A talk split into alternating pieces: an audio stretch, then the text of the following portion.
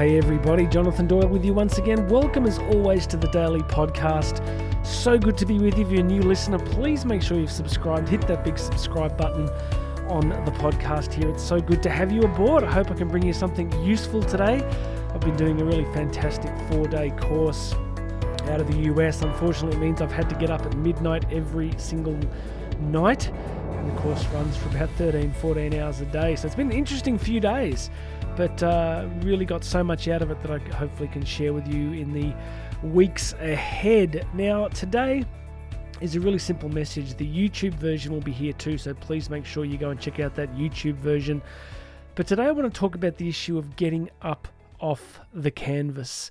There are so many times in life when we can genuinely feel beaten down. If you pay attention to mainstream media, they serve up plenty of reasons every single day where we can um, really feel that life is happening to us and not for us, that there is so much to be worried about, concerned about, so little that we control. They're the macro issues, and then, of course, all the issues going on in our own lives, all the daily problems and challenges that are there to test us and try us that can make life seem so difficult. So, every single one of us listening today has been in situations where we can genuinely feel beaten down. We can feel like it's uh, it's all too much. You ever had that? You sort of you sort of know what your goals and dreams are. You know what's important to you. You know what you want to create in your life. But it seems that no matter what you try, no matter what you've done, the preparation, the efforts that you've put in, you keep seeing to, seeming to end up either going backwards or staying stationary or just feeling so beaten down. You ever been there? I think all of us have at some point.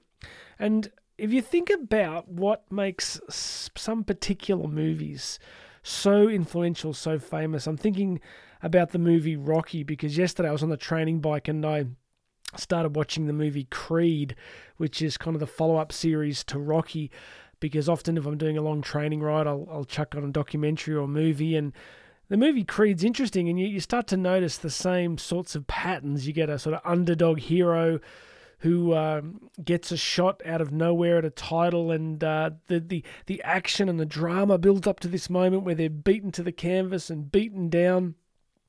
And the music comes up, and you know, with with every single one of these movies, right, we know what's going to happen before it even starts. You know, we, we know what the movie's gonna.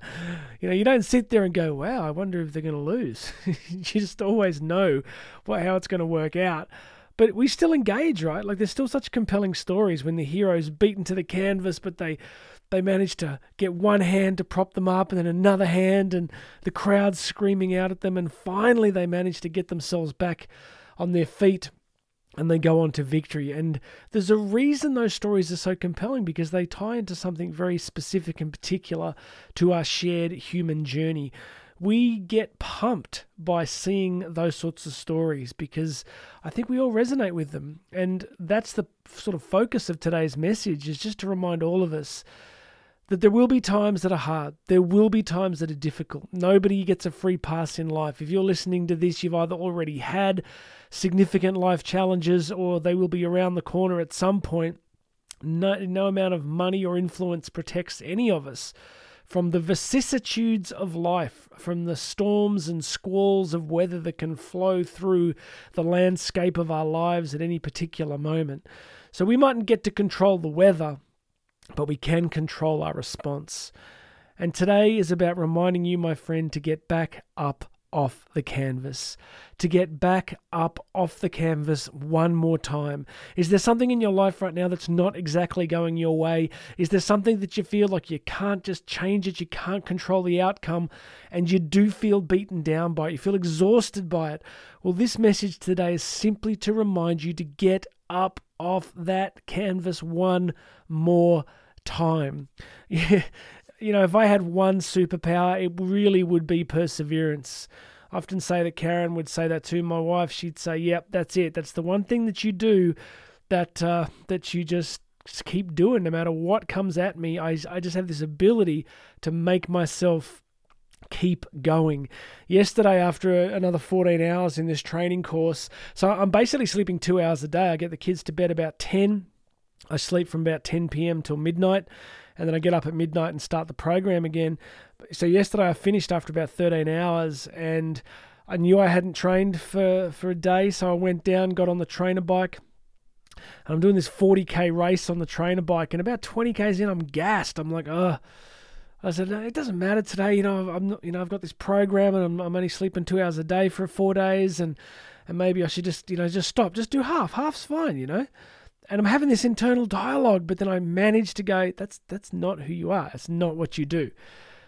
And right in that moment, you know, I guess let's talk about the mechanics. I, I literally drew on a on a hero of mine, um, a mentor of mine, who really exemplifies physical toughness and physical perseverance. And I thought of them, and I thought of my own sense of self, and I'm like, nah, I'm not stopping. I'm not getting off.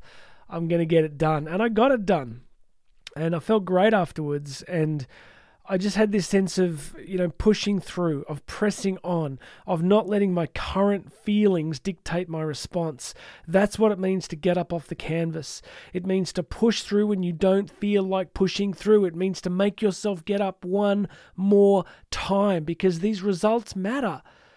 You know, the, can you imagine a movie like? Can you imagine Rocky if like Rocky had got into the ring with Apollo Creed and just got punched out in the first round and hit the floor and the movie ended? We'd just be like, I don't, I don't get it. I don't, I don't get what all the fuss was about. That's a terrible movie, right?